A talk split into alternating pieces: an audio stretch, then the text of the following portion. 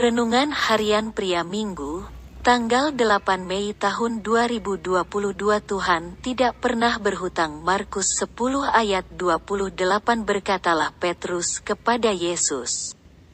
Kami ini telah meninggalkan segala sesuatu dan mengikut engkau. Setelah Yesus menjelaskan betapa bahayanya kekayaan bagi orang-orang yang terikat dengannya, mereka tidak akan masuk ke dalam kerajaan Allah. Lalu Petrus mengatakan bahwa mereka murid-muridnya sudah meninggalkan segala sesuatu dan mengikut Yesus.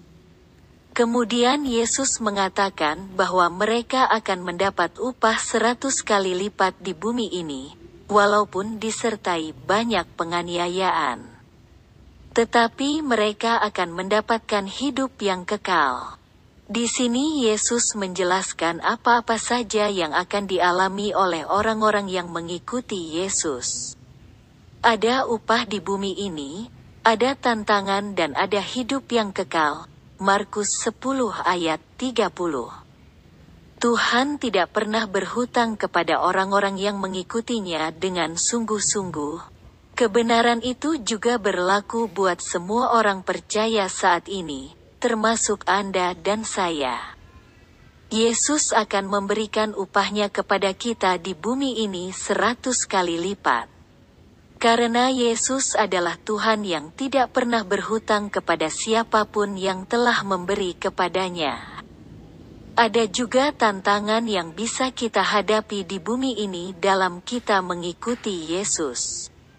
Tetapi jangan kita takut, karena Ia selalu menyertai kita. Dia tidak akan membiarkan atau meninggalkan kita sendirian dalam menghadapi tantangan itu dan Ia akan menolong kita sampai kita menerima kehidupan yang kekal. Jadi, jangan hitung-hitungan sama Tuhan dan jangan ragu-ragu untuk memberi segalanya kepadanya. Ia tidak akan pernah berhutang.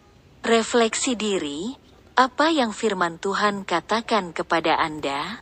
Bagaimana kehidupan Anda dengan firman Tuhan itu? Catat komitmen Anda terhadap firman Tuhan itu. Doakan komitmen Anda itu, pengakuan iman. Dengan pertolongan Tuhan saya memberi segalanya kepada Yesus dan mengikutinya setiap hari dengan sungguh-sungguh.